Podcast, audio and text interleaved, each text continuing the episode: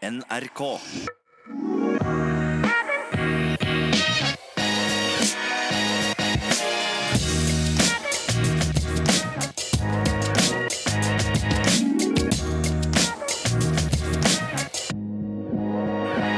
Hjertelig velkommen til den nye podkasten I det lange løp. En podkast som skal handle om eh, trening og løping. Kanskje skal vi innom en del andre idretter også, men det skal være en podkast for deg som har lyst til å få litt mer ut av treningen, og som kanskje er med en konkurranse eller to i en utholdenhetsidrett. og Gjerne en løpskonkurranse da, i løpet av året. Jeg heter Jan Post, og med meg i denne podkasten har jeg en eh, luring fra Nordpolen, som han sier selv, Christian Ulriksen. Men han befinner seg nå nede i Italia. All verden gjør du der nede, Christian?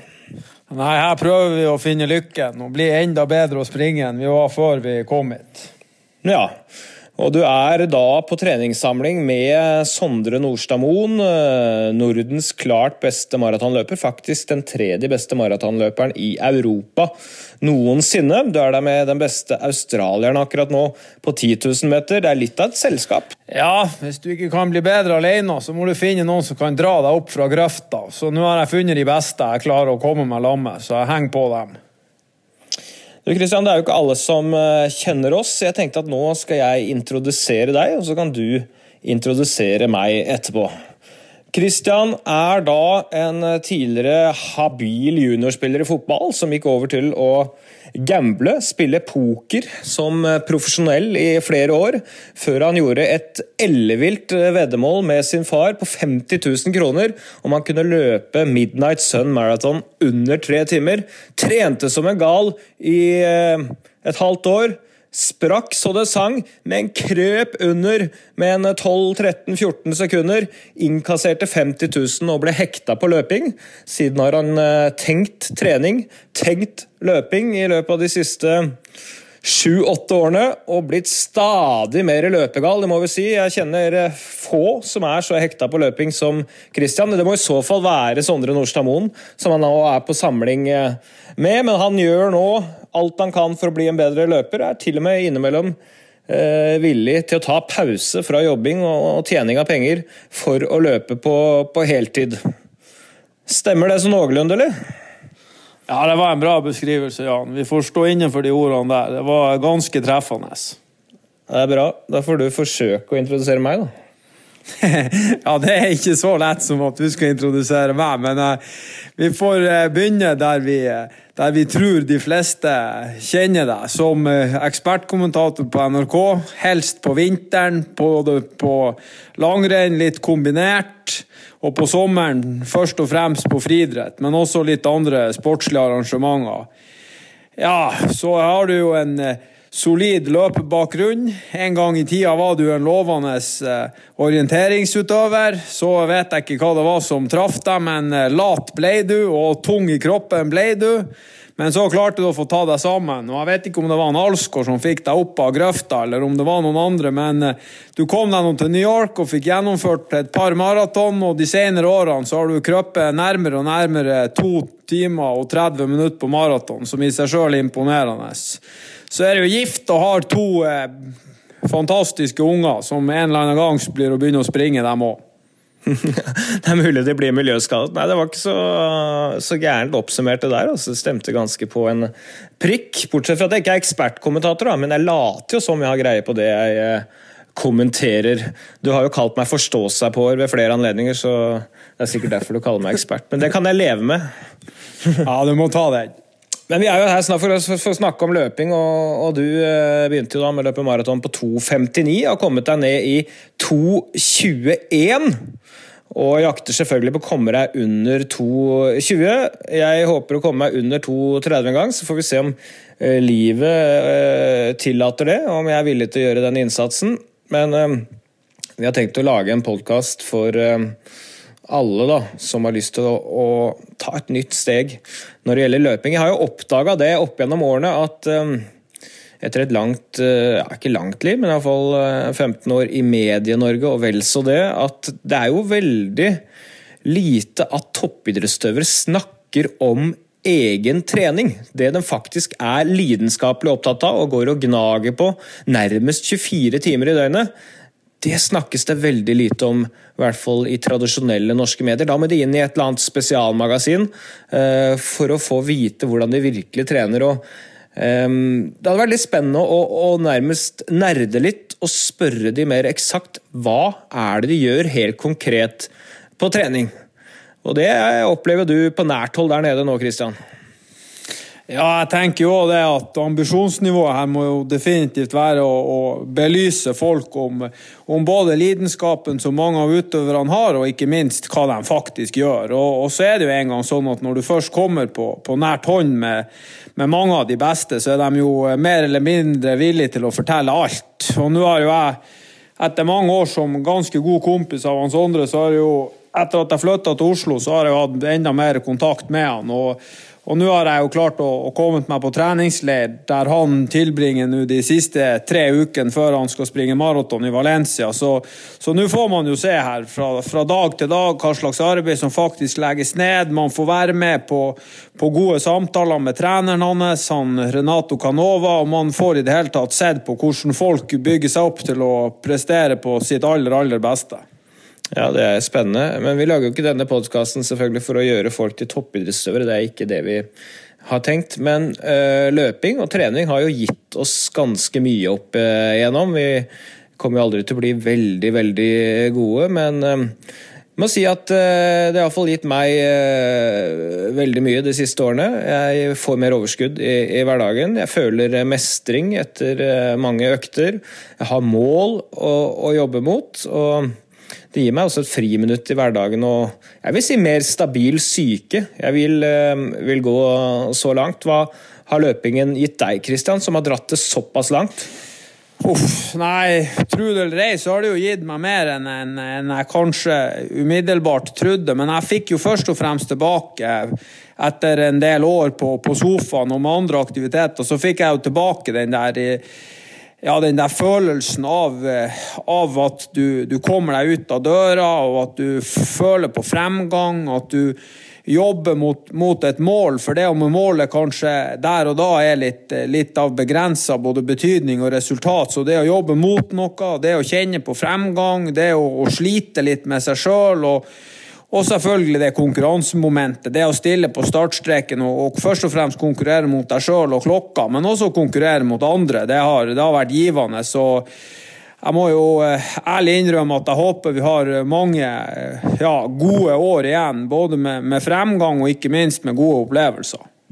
Ja, Det får vi håpe. Eh, vi er litt hekta på maraton begge to. Jeg må si at det å gå i mål på maraton hvor du har lykkes, når ditt mål og, og føler det siste si, året med trening eh, virkelig har gitt resultater. Uansett om du løper på fire timer, fem timer, tre timer eller to og en halv time. Det gir iallfall meg sånn eh, lykkefølelse og lykkerus som jeg kan leve lenge på. Og når man lever et sånn A4-liv med kone og, og, barn, og ting går i sin eh, dur, så så er det jo noen øyeblikk i livet man gifter seg, man får barn og sånn, som er eh, eventyrlig store. Men jeg må si at det å gå i mål på, på maraton, det er i øvre del av følelsesskalaen i, i, livet mitt. Og de øyeblikkene der, de, de jakter jeg på. Det er nok antagelig de man har litt, blitt litt hekta på. Og så har man lyst til å bli litt og litt bedre for å kunne gjenoppleve disse personlige, jeg vil si, rå øyeblikkene. Så det er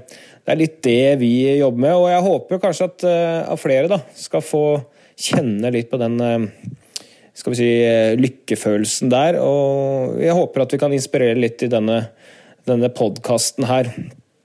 Og det er jo mange mosjonister der ute, Kristian. Vi har møtt mange på vår vei, vår vei de siste årene. Det er, det er mange i Norge som, som trener og har, har, lyst til å bli litt bedre. Ja, det er helt utrolig egentlig hvor mange som som faktisk har, har, fått øynene opp for en eller annen form for idrett. Og om det er å springe et eh, fem kilometer parkrun, eller om det er å springe et, et stort løp i en utenlandsk by, så, så løpinga er jo kommet dit at det er, det er blitt noe for alle. Og så må man finne, finne sine mål og finne ut litt hva det er man ønsker å oppnå. Men så så jeg håper jo at vi klarer å komme dit at vi, vi, kan eh, la andre inspirere og vi kan hjelpe folk på veien. Om det er med gode råd eller om det faktisk bare er å komme seg ut av døra, så vil jeg jo påstå at all, all hjelp er god hjelp. Og så er jeg jo veldig glad at det er løping vi prater om. Det er verdens enkleste idrett. og 99% av jobben er faktisk bare å få knytt skoene og komme seg ut av utfor dørstokken. Der er du god, for uh, hører lite klaging, og, det er uh, få ganger du ikke gjennomfører det du har tenkt. Så der kan mange lære litt av deg. Uh, og det er jo det aller viktigste. Vi har jo valgt et navn som da altså er i det lange løp, og det er jo ikke helt tilfeldig. Det matcher jo litt den treningsfilosofien vi har, Christian, hvor det ikke er om å gjøre gjøre én knalløkt i ny og ne. Det er kontinuitet som hjelper. Det å være på trening jevnlig, jobbe over tid. Eh, det som gir den beste helseeffekten, og ofte det som gir det beste treningsresultatet. Det er det aller, aller viktigste når det kommer til trening, iallfall ifølge oss. Å, å, å trene jevnt over tid og gjennomføre gang på gang på gang, uke etter måned etter eh, år. Og, og, så er det også et navn som gir oss muligheten til da kanskje snakke mer om løping òg. Christian, du har jo øh, gjennomført Norseman, så vi skal nok innom triatlon. Jeg er jo gammel O-løper. De eh, trener jo øh, mye løping. Jeg treffer jo en og annen skiløper, en og annen syklist. Og det er jo noen likheter, og også noen forskjeller sånn treningsfilosofimessig rundt i dette landet med, med ulike utenholdenhetsidretter. Det kan bli spennende å dykke litt inn i det etter hvert òg.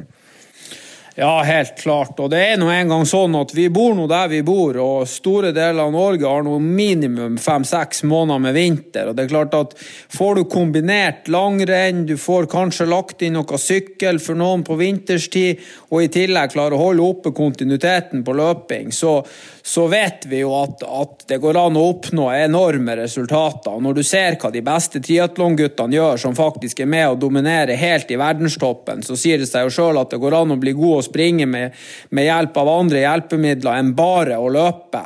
Så kan vi selvfølgelig diskutere oss oss grønn på om det går an å bli verdens beste å springe uten å bare springe. Men eh, den diskusjonen kan vi jo kanskje la noen som er litt bedre enn oss, være med å ta. Ja, Vi skal snakke med folk som har peiling i denne podkasten, og vi skal uh, få litt hjelp med det allerede der i første episode. For jeg, jeg, er litt opptatt, man er jo en del på internett, sånn har uh, verden blitt. Og det er løpegrupper og det er andre grupper på sosiale medier. og Det jeg har hengt meg litt opp i, Christian, er at folk spør om veldig mye rart og henger seg opp i veldig mange detaljer som kanskje ikke hadde vært nødvendig ut fra det nivået de er på. For selv de aller, aller beste de gjør ikke ting så himla komplisert alltid. Det er spørsmål om intensitetssoner, pulsklokker, laktatmålinger, laktatprofiltester, eh, utstyr, og det fins liksom ikke ende på eh, det hele. Gjør folk dette for vanskelig, eller? Ja, Mitt absolutte svar er jo ja, og med en tre-fire utromstegn bak. Som jeg prøvde å si i sted, så er jeg jo glad for at det er omtrent verdens enkleste idrett vi holder på med. Og den andre grunnen for at jeg sier ja, er jo for at vi kommer selvfølgelig fra Norge. Det er et, et land som består av, av folk med, med, bra med både penger og muligheter. Og vi har sett mange hjelpemidler på veien som, som en, en, del har brukt, og spesielt den godeste Ingebrigtsen-familien. Men hvis du kommer deg utenfor Norge, og du prater med, med trenere som, som, er av andre europeisk nasjonalitet, så, og du begynner å prate om pulssoner og laktatsystem og sånn, så begynner de nesten bare å riste på hodet synes at du er helt håpløs. Altså, det er en helt annen helt annen forståelse for, for, hva kroppen kan levere, og den, den følelsen du har sjøl. Altså rolig fart for en for, for eksempel for Sondre sin trener, da, som er en anerkjent italiensk trener. Rolig fart. Det handler ingenting om, om puls eller laktat, det handler om en følelse. Ja, og jeg har en følelse av og til at folk Eh, og mosjonister i Norge av og til nesten er redd for at de gjør noe feil. Altså De er nesten ikke tør å gå ut og trene fordi de er redd for at de skal trene feil, feil sone, et eller annet.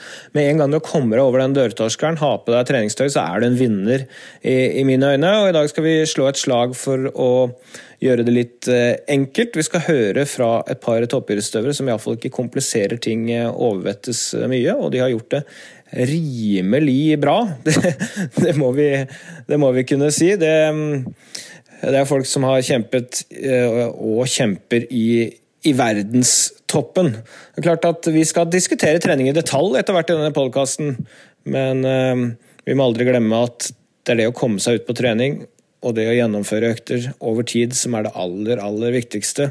Du, jeg tar en uh, kontakt med en olympisk mester i løping. Kristian. De er det ikke så mange av i Norges land. Nei, det er klart, episode én, da må du begynne med mann nummer én. Og han er oppe i Trøndelag. Ja. Og Vebjørn Rodal, han øh, trente jo for 800 meter. Han var allikevel ganske utholdende, og han hang seg ikke for mye opp i tekniske hjelpemidler eh, osv. Jeg eh, tar kontakt med Vebjørn, og så skal vi høre litt nærmere om hvordan han tenkte når han trente. Med oss for å snakke litt om dette temaet i dag har vi Vebjørn Rodal, olympisk mester på 800 meter. Det er jo ikke så mange i landet som har blitt olympiske mestere i løping. Det er relativt få, for å si det sånn, og da skal man kanskje tro at det er du som har trent mest komplisert av alle, Vebjørn. Var du en labrott, eller hvor komplisert var dette her? Nei, jeg var, jeg var vel relativt fjernt fra fra labrotten, altså. Definitivt. Jeg hadde nok eh, prinsipper som handla om at det skulle være relativt enkelt, ja. Og, og, forståelig. At det skulle være en logikk i det som foregikk. Da. Det, var, det var veldig viktig for meg å ha god forståelse sjøl for det jeg holdt på med. Det ga en trygghet. Ja, La oss gå gjennom et par ting. for Det er jo eh, mye på markedet nå til dags som ikke var på markedet på, på 90-tallet. Det er jo klokker. Pulsklokker hadde den gangen, nå er det GPS-klokker, og det er de eh, fleste funksjoner på, på den osv. Vi kan jo starte med puls. da. Hvor mye brukte du det? Nei, Pulsklokka var det jo. Det kom jo pulsklokka eh, som en del eh, brukt. Eh, jeg valgte Eh, jeg prøvde ved noen anledninger, men fikk eh, ikke veldig mye ut av det. Jeg satte meg vel egentlig aldri eh, spesielt godt inn i det heller, fordi at jeg følte ikke at det ble et nyttig nok verktøy for meg. Da. Så intensitetsstyring på puls gjorde jeg aldri. Men når du prøvde det, hva var det du følte det ikke ga deg? Hvorfor forkasta du det på det vis? Jeg hadde jo relativt Eh, store innslag av intensiv trening. Og jeg syns at den intensive treninga ga utslag på puls som jeg ikke eh, fikk til å stemme. Da. Altså, pulsen på en eh, relativt rolig tur dagen etter ei veldig hard baneøkt kunne jo være veldig høy. Eh, uten at jeg følte at det gikk veldig tungt for dem. Mm. Eh, og så handla vel egentlig alt om at det var mest komfortabelt med å rett og slett kjenne etter. Da, og, og, det å kjenne sin egen kropp betydde mer enn eh, elektronikk i den sammenhengen her, da. Andre bruker jo f.eks. en pulsklokke til å sjekke hvilepulsen om morgenen. Eh, har du gjort noe sånt? Nei, Eh, egentlig aldri hatt noe bevisst forhold til hvilepuls heller. Så du vet ikke hva den var? Jeg har Nei, jeg, jeg vet ikke. Jeg har, eh, jeg har eh, relativt lav Eller jeg hadde relativt lav makspuls. Uh, også når jeg var i god form. Rundt bare rett over 180 slag det fant jeg ut de gangene jeg gjorde VO2 Max-tester. Eh, ellers så eh, var jo eh, restitusjon og hvile en veldig viktig del av, av treningshverdagen. Men jeg følte at jeg hadde god kontroll på det uten å bruke puls her også. Nok søvn, riktig mat. riktig mat og nok søvn, ja. Men det er jo det er en annen ting som måler lak eh, laktat, så jeg måler intensitet, og det er jo laktat. Og vi ser jo i disse, for oss som følger med på Team Ingebrigtsen, eller vi har snakket med Sindre Burås og Sondre Nordstad Moen, tidligere karrieren, Marius Bakken, Ole Einar Bjørndalen altså, Det blir tatt mye laktatprøver da, for å sjekke hvor høy intensiteten har vært på, på trening. Hvor mye gjorde du av det? Nei, Det kom noen laktatmålere etter hvert på 90-tallet også. Eh, målte vel egentlig mest for underholdninga sin skyld av og til, for å se hvor eh, høyt vi klarte å komme. Ok. for det som var, det som var harde økter. Eh, uten eh, praktisk nytte. Altså, kan du si at det her, her er individuelt, og man skal aldri undervurdere sine egne personlige motivasjonsfaktorer. Men for meg så var det å gå teknologisk i dybden på, på treninga ikke noen motivasjonsfaktor. Det var eh, ble heller en sånn eh, hassle da, som jeg rett og slett ikke interesserte meg veldig mye heller. Eh, sånn at jeg, prøvde å, å, gjøre det etter relativt enkle prinsipper som handla om, eh, om en strukturert oppbygging av, eh, av dagen, av uka og av måneden av året. Altså en, en god sesongplan, rett og slett. Uh, og så var det å gjøre erfaringsbaserte ting. Og så uh, var jo veldig mye av løpinga på, på bane, på uh, relaterte distanser, som jeg tok tida på. Og fikk veldig ærlige svar gjennom klokka på distansen. Og hadde mindre behov for intensitetsstyring på puls og laktat fordi at jeg brukte fart som et verktøy i stedet. Men dette med soner, da? altså Du tenkte ikke det på trening i det hele tatt? Sone 3, sone 4, sone 5 osv.? Som Olympiatoppen uh, har en egen skala for? Nei da, vi var, var klar over de intensitetssonene egentlig den gangen òg, men, men, treninga var nok mer firdelt. eller skal vi nesten bare tredelt av. Det var nok uh, rolig, hardt og veldig hardt. Ja. Og hva Sånn grovt sett. og hva var da rolig? Nei, rolig, det kunne være uh, gjerne tre timers langtur i marka på høsten. Det kunne være to- og tre timers uh, langrennstur for min del, så sent som i februar og mars, faktisk. I, I den enden av skalaen. Men det er mange måter å løpe tre timer i skauen på eller gå en langrennstur òg, så eh, tok du det pent, bare gange ah, ja. de bratteste motbakkene, sånn klassisk skiløpertrening? Det var løping, ja. Var ikke ute og gikk, nei. nei, det ante meg. men. men, men eh, men, rolig, da. Sprang nå til vi var så sultne at vi måtte hjem igjen. Ja, Det er nesten overraskende kanskje å høre at, at, du var ute så lenge av gangen. Hva var hensikten med det kontra, eller med tanke på å løpe 800? da?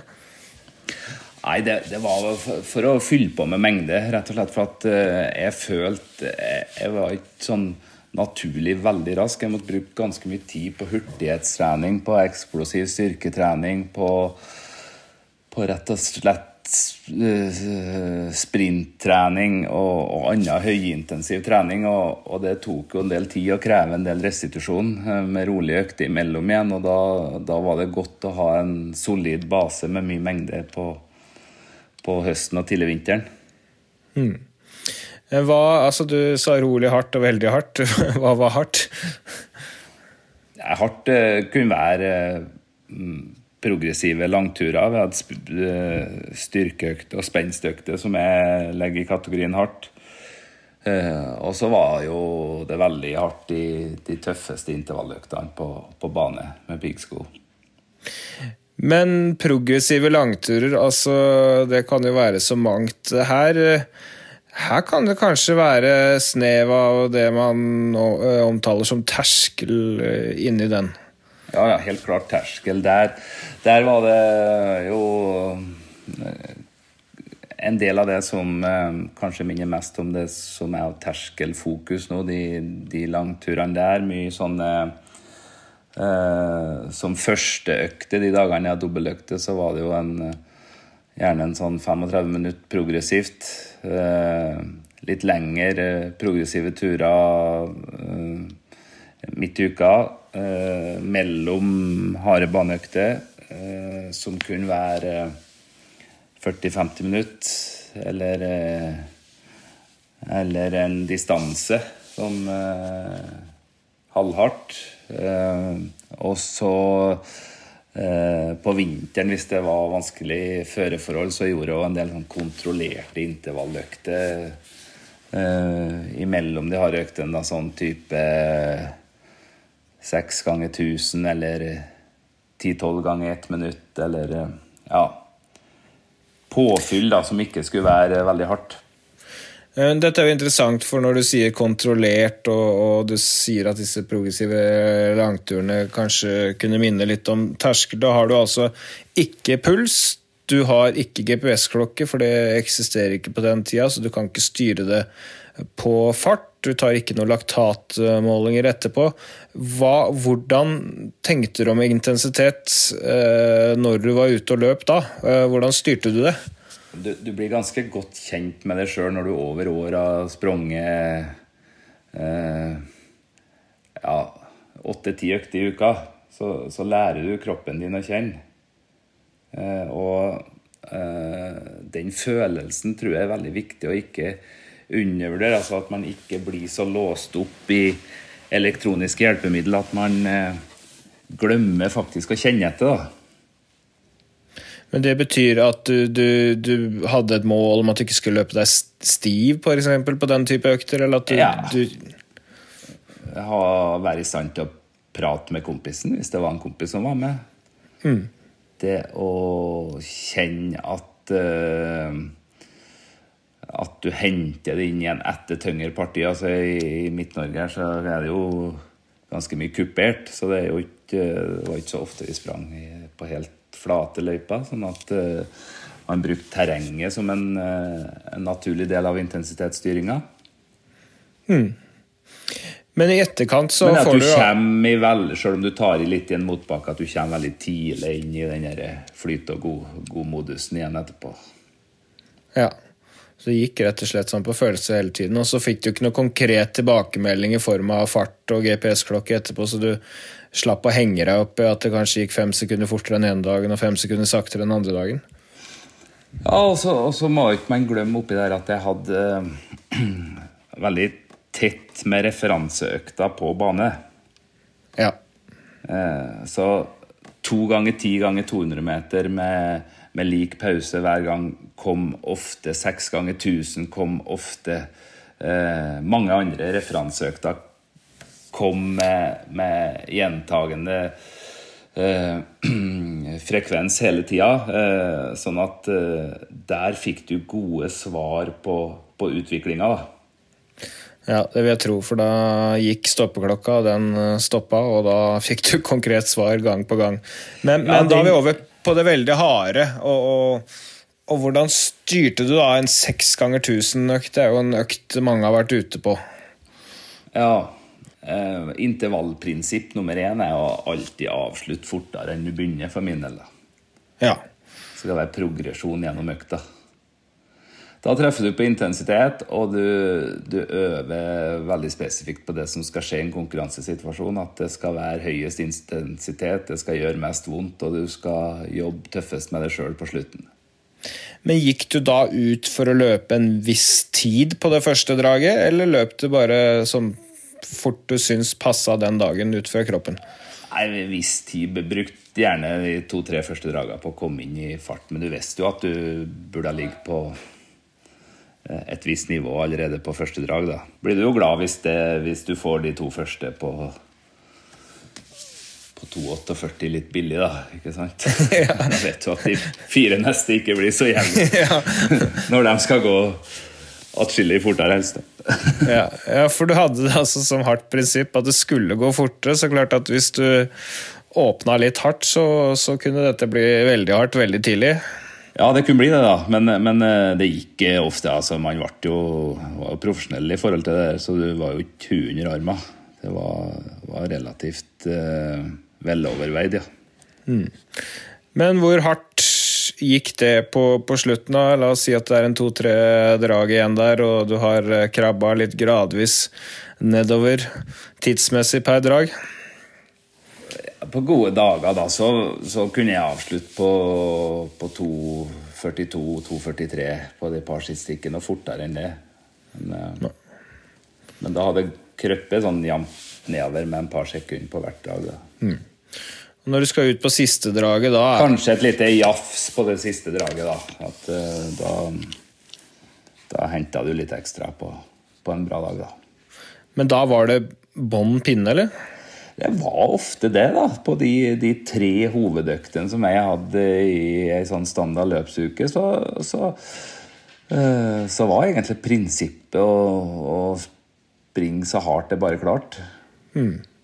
Så det var jo Både på sånn type seks ganger 1000 eller en pyramide med, med eh, ja, kanskje en 2000 på topp eller eh, 1500 på topp, eh, som var type mandagsøkta. Og så var det litt mer, litt mer fart, litt kortere drag og, og større fart på onsdag. Og så var det ei hard sprintøkt på fredag. Det var liksom de tre hovedøktene. Og dem prøvde jeg å gjøre så, så tøff og så hard som mulig. Egentlig fra, fra oppstart, sesongstart, som var, som var 1. oktober som regel. da. Men det som er interessant er at du vet jo ikke hva du hadde i laktat, du vet ikke hva du hadde i puls på disse hardeste øktene, så i dine treningsdagboker så står det kun tider da, å, forholde Ja. seg til, og, og hvor hardt det var relativt for deg, er jo vanskelig for en som ikke var til stede inne i kroppen din på den økta, å, Ja. å vite. Ja. Men, men jeg tror kanskje da at uh, det kan være en utfordring i, i at man henger seg veldig opp i, i den elektroniske monitoreringa som vi gjør i dag. Da, at man, hvis man er helt ærlig med seg sjøl, så tror jeg nok det er ganske mange som må innrømme overfor seg sjøl at de på et eller annet tidspunkt har brukt elektronikken som unnskyldning for å slippe å ta i. ja. den, På ei økt som man kanskje burde ha vært litt mer ærlig og litt tøffere med seg sjøl på. Ja, det er jo flere måter. Altså, jeg, har også løpt noen økter hvor jeg ikke ser på klokka underveis, spesielt fartsleker og sånn. og men, men jeg klarer jo ikke la være etter økta å se hva farten var underveis. Jeg kan løpe én time fartslek, men etterpå så sitter jeg og analyserer. Ja, det gikk ikke fortere enn det. Ja, det gikk, ja, men det gikk såpass der, og sånn, og så videre, og så videre. Eh, og det gjør jo noe med hodet, da, i etterkant. Ja, det gjør jo det, men det gjør jo, det gjør jo den tida du tar på, på økta, og den gjør jo noe med hodet ditt. Ja, Så du er mest opptatt av gjennomføringa der og da. eh, Og så får tilbakemeldingene være ærlige, det får være greit nok. Jo, jo, men at jeg klarer å springe Eh, Jeg hadde noen økter på midt på sommeren som var sånn konkurranseforberedende. Fem ganger Fem ganger 400, for eksempel. Med, med veldig kort pause, der alle skal gå under 55 sekunder. Ja. Eh, hvis jeg, hvis jeg Altså Hvis ikke dreper meg på den nest siste, den fjerde, og, og, og klarer den femte litt fortere enn den fjerde, Ja. så gir det en veldig veldig sånn god følelse. Da ja. Da er du ganske var- lada med sjøltillit før den konkurransen som kommer om fire dager. Men det at du løp konsekvent progressivt Ja, da, tre, da, da trenger ikke du da eh, puls- og laktatmåling i tillegg. Nei. Den tida sier det alt, Men, men kombinert med skjønner jo nå at jeg, jeg, har, jeg, har, jeg har veldig stor respekt for alle som, som ønsker å intensitetsstyre og gjøre gjør treninga si mer, eh, mer vitenskapelig enn det jeg gjorde. Altså, for jeg, jeg hørte jo her nå at jeg, jeg framstår jo håpløst gammeldags. Ja, men, ja, ting er jo de som skal satse på å, å ta en VM-medalje eller komme seg til EM og helt der oppe. Nå snakker jeg litt på vegne av, eh, av mosjonister, som, som det er ganske mange tusen av i, i Norge. Og jeg har inntrykk av at enkelte av dem er redd for å gjøre noe feil. da. De tør knapt gå over eh, dørterskelen i frykt for at de skal gjøre noe feil, at de skal løpe i sone fire når de egentlig skal løpe i sone tre, og at de skal ditt og de skal datt, og de skal ha kontroll på dette, og det er så mye å, å tenke på. Og, og, når jeg tenker at eh, en som har blitt olympisk mester i løping, ikke hadde fokus på disse tingene i det hele tatt, eh, så er det ikke sikkert at samtlige mosjonister må komplisere ting veldig da, med å ta alle mulige tester og, og ha kontroll eh, på alt mulig rart, og ha så mye å tenke på. Eh, jeg vet ikke hva du tenker om det? Nei, Det, det er nok litt sammensatt, da. For det er jo, det er jo, det er jo veldig mange supermosjonister da jeg kaller, jeg kaller din kategori Jan, for supermosjonister. Det er ikke seriøse mosjonister. Eh, som, som, vil veldig mye med fritidsaktiviteten deres og er ganske ambisiøse i forhold til til den eh, aktiviteten dere driver. Eh, men, men så, så, ligger det jo et, et, eh, et delingsmotiv her òg for mange. ikke sant? Man bruker jo de her hjelpemidler, de her elektroniske hjelpemidlene til å kommunisere for omverdenen hva man gjør òg, sant, Det er jo særdeles utbredt det har blitt ikke sant? Å vise fram for alle andre hva man har gjort. Ja. Og da er vi litt tilbake på det vi begynte med. Da, Man skal ikke undervurdere motivasjonsfaktorene sine. Hva er man motiveres av? Motiveres man av å springe fort? Ja, det gjør de fleste. Å ha framgang og, og utvikle seg. Men så ligger det noe i hverdagen òg som skal skape motivasjon. og og så er vi kanskje alle noen sånne små eksentrikere som, som liker å, å, fronte det vi holder på med. Da, ikke sant? Og så betyr det veldig mye å få lov til å dele det vi har nettopp har gjort. Da, spesielt hvis det har gått bra. Da vil vi gjerne dele, både for å skremme konkurrentene våre og for å brife litt. da, ikke sant? Så det, det, der ligger det jo en motivasjon til å monitorere det vi holder på med. Men stille spørsmål på en annen side. Hvis, hvis, du trener fem ganger i uka, hvor viktig vil du si at intensitetsstyring er? Ja, Det viktigste er at man legger en plan for de fem dagene. Mm. Og har en bevisst tanke rundt hva man skal gjøre på den første, og den tredje og den femte av de, de øktene og, og, de to andre. Og, ikke sant? Sånn at uh, at strukturen er der.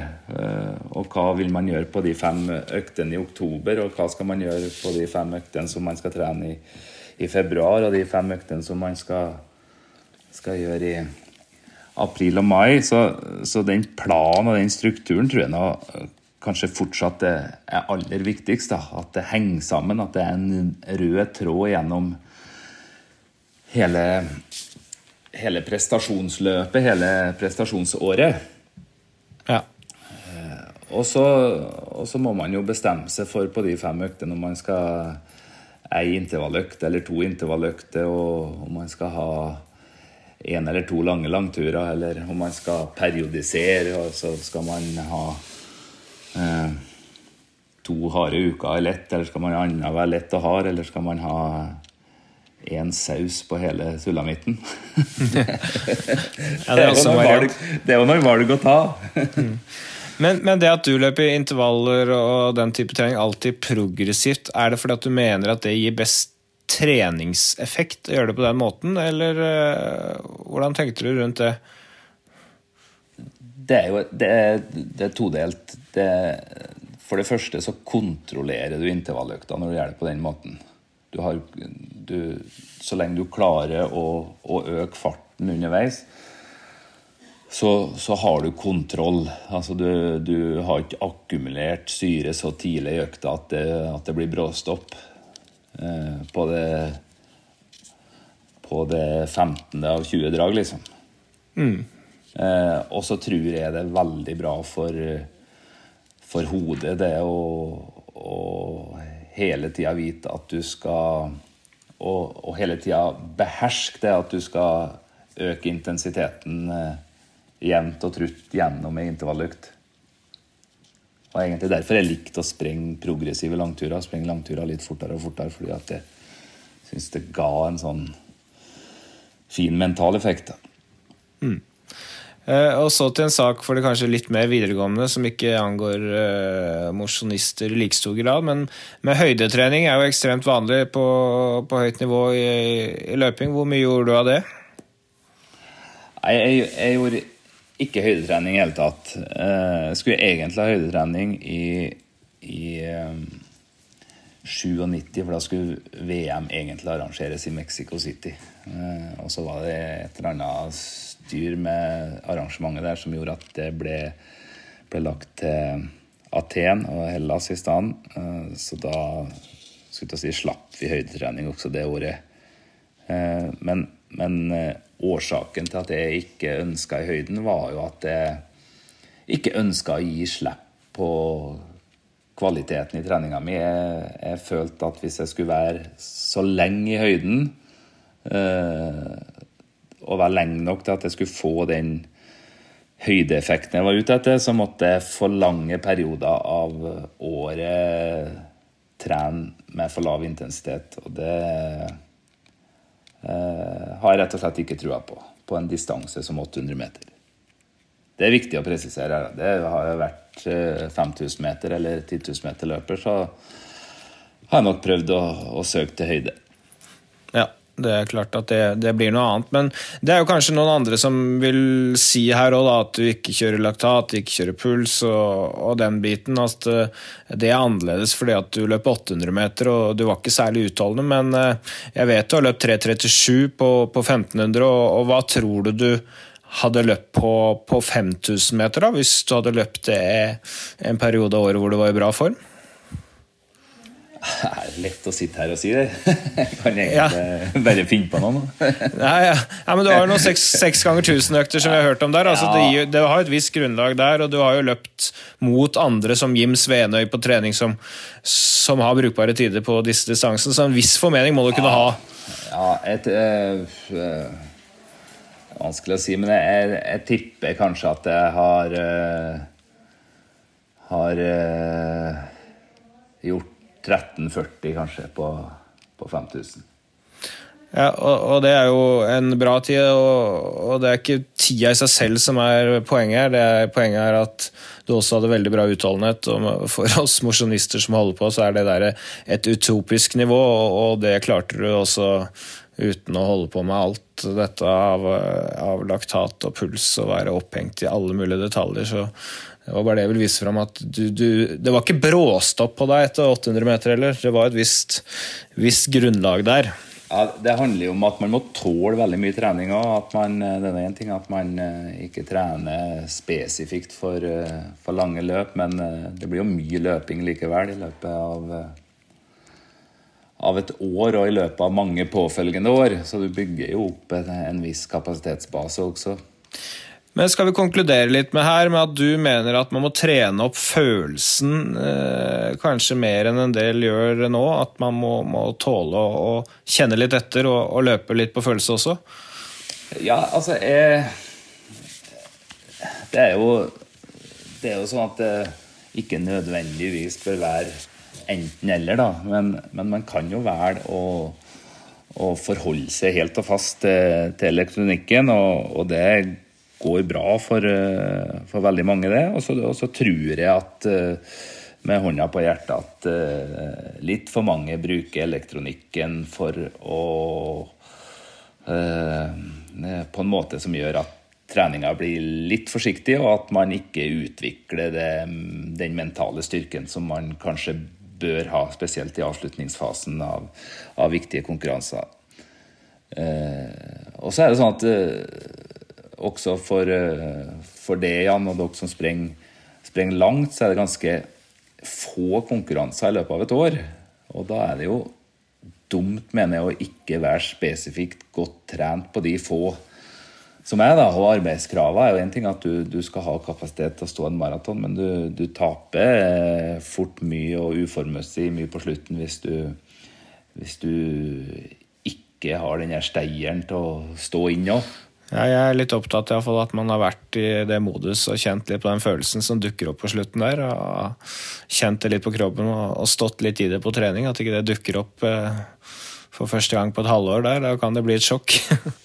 Hvis vi snur litt på det, da, så var i hvert fall den, den evnen til å hente ut noe ekstra på slutten, eh, når jeg slutta eh, å la opp Eh, og da naturlig nok var litt sliten og lei og tok en, en eh, ordentlig pause og kutta ut der, intervalløpinga mi og intervallprinsippene mine, så var den der evnen til å stå distansen og stå helt ut på slutten det første som forsvant. Men tror du det var fysisk, eller var mentalt? Nei, Det tror jeg var mentalt. En kombinasjon, selvfølgelig, men veldig mye mentalt. Når jeg slutta å øve på det, og slutta å være bevisst på at eh, det, det, er på slutten det avgjøres. Det er der du må hente ut eh, det ekstra. Når jeg, eh, når jeg ikke lenger var nødt til å gjøre det, og, og var motivert for å gjøre det, og, og slutta å øve på det, så forsvant den egenskapen veldig fort. Og det er jo vi som skal jogge med deg innimellom nå, og veldig glad for. Også. Men den progressive løpinga di har du ikke lagt helt fra deg. Altså. Den, den, den, sitter i kroppen, det, det er det ikke tvil om. ja, livet er for kort til rolig langturer, vet du. Ja, ja det har jeg skjønt.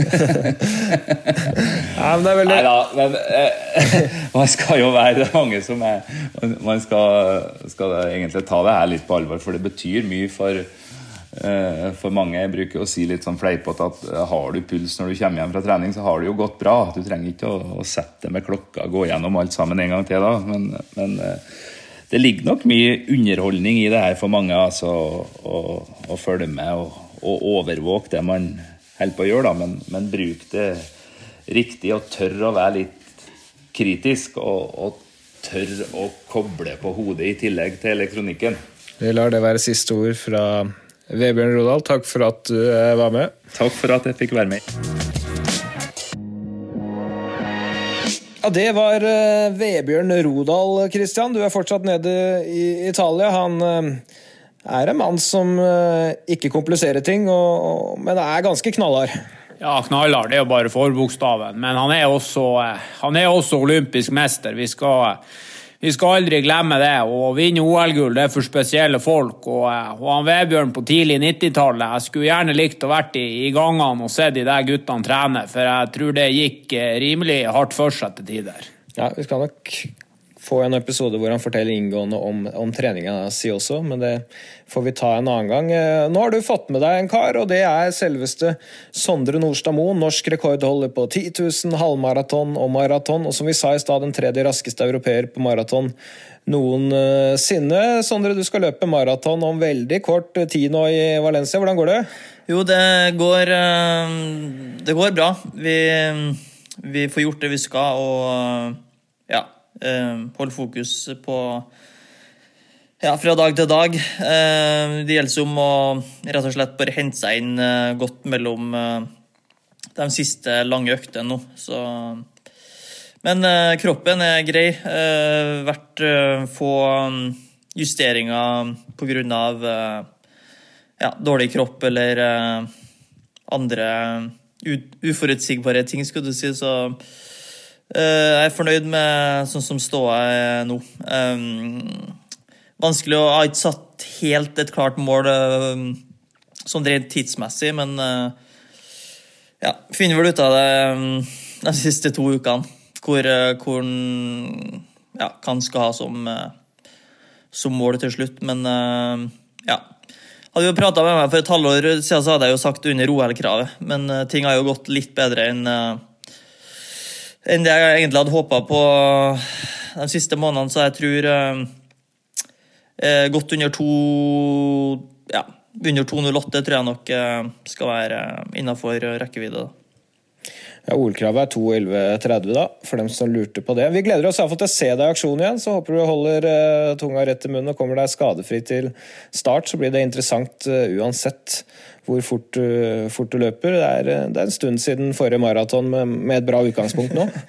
ja, det, det Jeg følte meg jo egentlig grei, greit forberedt to uker før EM i fjor òg, men det er klart, da var det så mye annet jeg måtte håndtere i form av vondter og sånn hele tida at eh, fokuset Til slutt så er du bare helt uh, tom mentalt når du står på startstreken. Så prøve å Ja. Prøve å ha fokus, være på når en trener, og så prøve å være mentalt uh, avslappa ellers. Så det er jo fint å ha Harry og og Christian her til å få tankene bort fra Valencia Marathon 1.12. Så det er fint. Ja, Da må vi tenke, må tenke på mye annet rart når du har Christian hengende rundt. Så det, det er jo fordelen med akkurat det. Ja, vi prater ikke bare trening, da. Nei, det var bra. Det er det jeg tenker. Han bidrar med en del annen eh, andre greier òg. Men du, du, er jo i din beste alder nå, og på høyden av din karriere. Og vi snakker litt om at eh, jeg og Christian i syns at en, en del mosjonister gjør ting litt komplisert. Da, at jeg er liksom nærmest redd for å gjøre feil når de går ut døra. og Derfor så har vi snakket litt med Vebjørn Rodal, og vil gjerne høre litt med, med deg også. Hvor mye bruker du puls og pulsklokke i din trening for tida? Akkurat nå så har ikke jeg brukt det siste Ja, det blir vel fire Siste fire siste fire årene så har jeg ikke brukt uh, verken puls eller uh, laktat. Uh, det vil si, jeg brukt, jeg hadde med meg pulsbelte de første to-tre ukene opp i Sestriere i juni, når jeg når jeg var Ja, når jeg skulle trene meg opp igjen etter det, den skaden i april. Og det var rett og slett bare for å legge inn et par På et par MRO-løktene der jeg bare satte et nummer på pulsklokka så jeg bare skulle holde meg under, bare for å rett og slett ha Ja. Eh, Sjøl om det kjentes lett ut og jeg hadde overskudd i kroppen, og sånn, så er det lett liksom at rett og slett farta blir litt for stor da, i forhold til I forhold til um, totalen, skulle jeg si. Um, men det var der og da. Det var liksom noe jeg, jeg følte kanskje var lurt akkurat i den situasjonen, men så Eh, når en får eh, eh, bygd mengden litt igjen og kroppen blir mer robust, så tror jeg det er viktig å bare stole mer og mer på hva kroppen sier. Men tidligere så brukte jeg jo, tidligere så brukte jeg jo pulsbelte, spesielt når jeg gikk eh, på ski da, i ungdomsårene. Eh, men det var ikke jeg vil ikke si det var slavisk. altså Det var sånn at han kunne springe to og en halv time ut i marka uten at han hadde ei pulsklokke som peip hver gang en bekka to slag over. Men Det er interessant. Eh, desidert beste maratonløperne i dette landet bruker da ikke pulsklokka, har ikke nærmest gjort det på, på, fire år. Hva er grunnen til at du gikk bort fra det?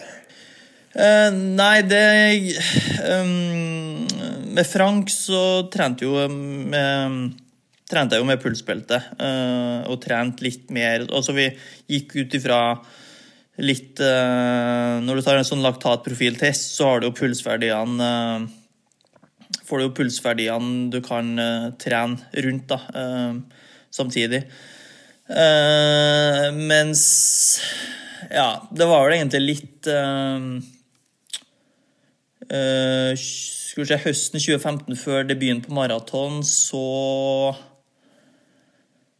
ja, da, jeg endra vel litt eh, Jeg sa vel til meg sjøl at eh, skal jeg, skal jeg springe 2,11, så må jeg springe 3,07 på, på maraton uansett hva pulsen er. Så, og da var, ble det egentlig litt mer sånn På de langturene i hvert fall, så måtte en bare springe den farta en, eh, en skulle holde i konkurranse. og etter det ja, og det, sånn ble det jo det neste året, egentlig. Etter, um, da etter OL 2016 så kontakta jeg jo Renato, og han Ja, han ser ikke særlig mye uh, hjelp i det pulsbeltet, da. Uh, han mener at Altså, han går jo ut ifra uh, prosent av konkurransefart på den distansen eller de distansene du trener for, og så og så blir det som er restitusjon, det Ja.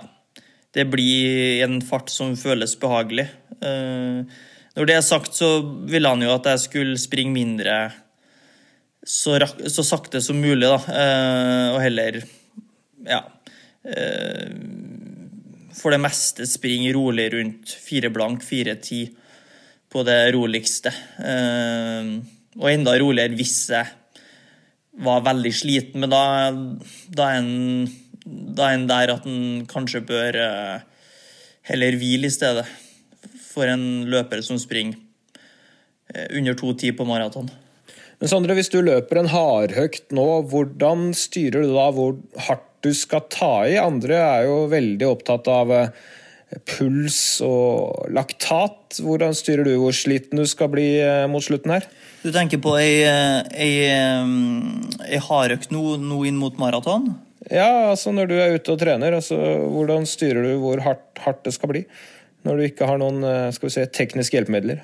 Uh, ja, nei, altså Stort sett så har jeg jo to til tre kvalitetsøkter i uka. Uh, og på, på de langturene uh, ja, mellom, da, så jeg, springer jeg stort sett uh, en litt lengre tur på morgenen, og så uh, Der vi ja, jevnt over, i hvert fall nå inn mot maraton, så springer jeg rundt en time og ti, en time og 20 minutter på morgenen. Og da springer jeg rundt 80% av av maratonfart. Uh, så det tilsvarer, i hvert fall i lavland, rundt 3.35 ca.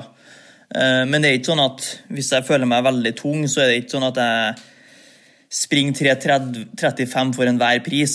Uh, da kan det kanskje bli 3.40, 3.42.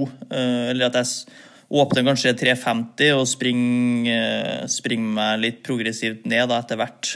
Litt, litt eh, alt etter hvordan kroppen eh, og beina er. Eh, all den treninga på lavere intensitet som skal Som legger et grunnlag og gjør deg i stand til å få gjennomført de spesifikke øktene uten at den blir helt knust etterpå.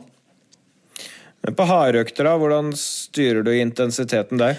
Nei, Da går vi ut etter uh, fart på dragene. Da. så uh, Hvis du skal springe maraton på tre minutter på kilometeren, f.eks., så mener jo treneren min, Renato, at da må du kunne springe dem og dem lengdene på intervall i den og den farta for å gjøre den og den tida. Det som er viktig mot en maraton, er jo at alle eh, alle hardøktene er viktige, egentlig. Altså, hvis, du hvis du springer litt for fort på en tremilstur, og, og det går utover de neste to-tre hardøktene, så blir kanskje sluttresultatet og ja, sluttresultatet litt dårligere enn det det ville ha vært. Altså at uh, den ene økta påvirker de neste tre, som gjør at du får mindre igjen totalt sett. Så, men stort sett så uh, er jo Renato happy, kan du si, hvis jeg springer litt fortere enn det han mener, eh, men at jeg gjør det på en måte som kan du si er kontrollert. da. Jeg forstår. I i denne podkasten skal vi ha et fast par faste spalter. Nå skal vi introdusere eh, dem. Det aller første er ukas økt. Det eneste som er helt sikkert, det er at trening hjelper. Så nå er det bare å få stramma skoene, bite tennene sammen og stå i det til økta er over. Og da passer det bra at eh, du, Sondre, er eh, med oss. Kan du gi oss en treningsøkt som du vil anbefale våre lyttere å teste en gang?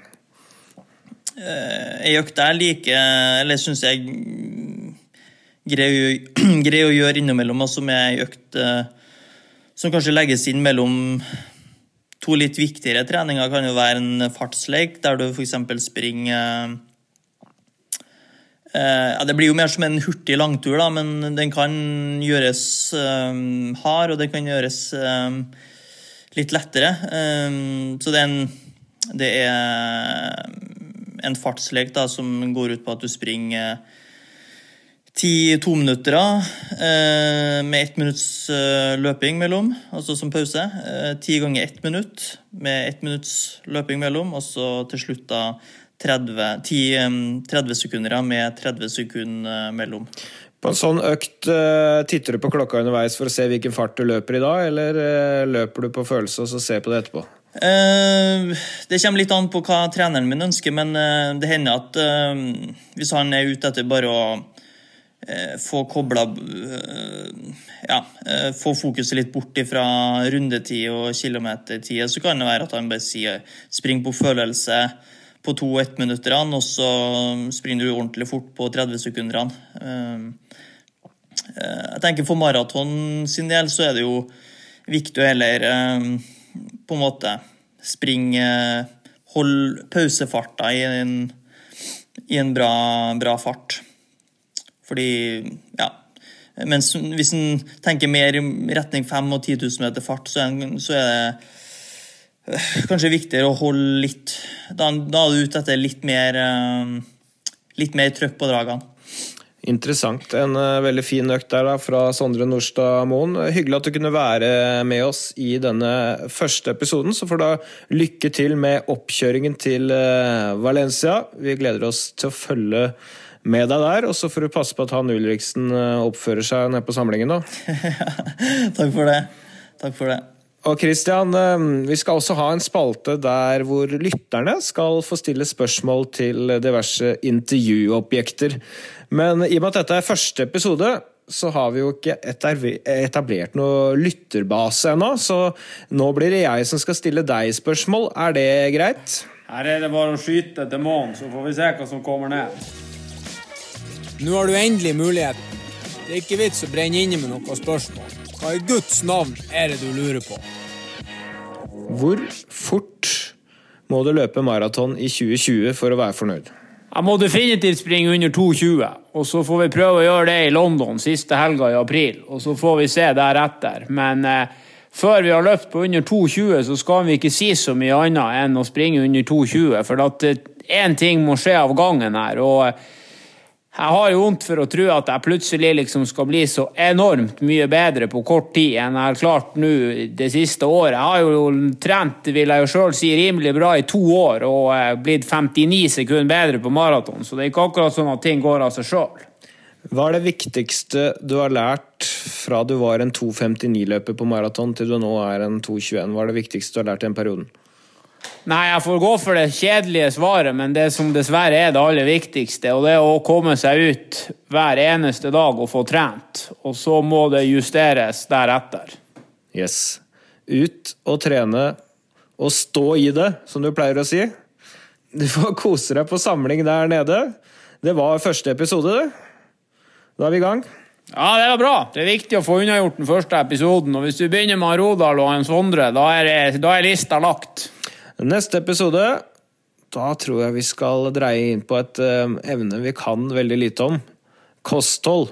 Det blir spennende. Følg oss på vår Instagram-konto i, i det lange løp. Hvis du søker på Instagram, så vil du få opplysninger om når ting er uh, ute. Vårt nye sendetidspunkt er slik at uh, hver podkastepisode blir sluppet natt til fredag. Så når du våkner fredag morgen, da skal det være mulig å lytte til en ny episode av denne podkasten.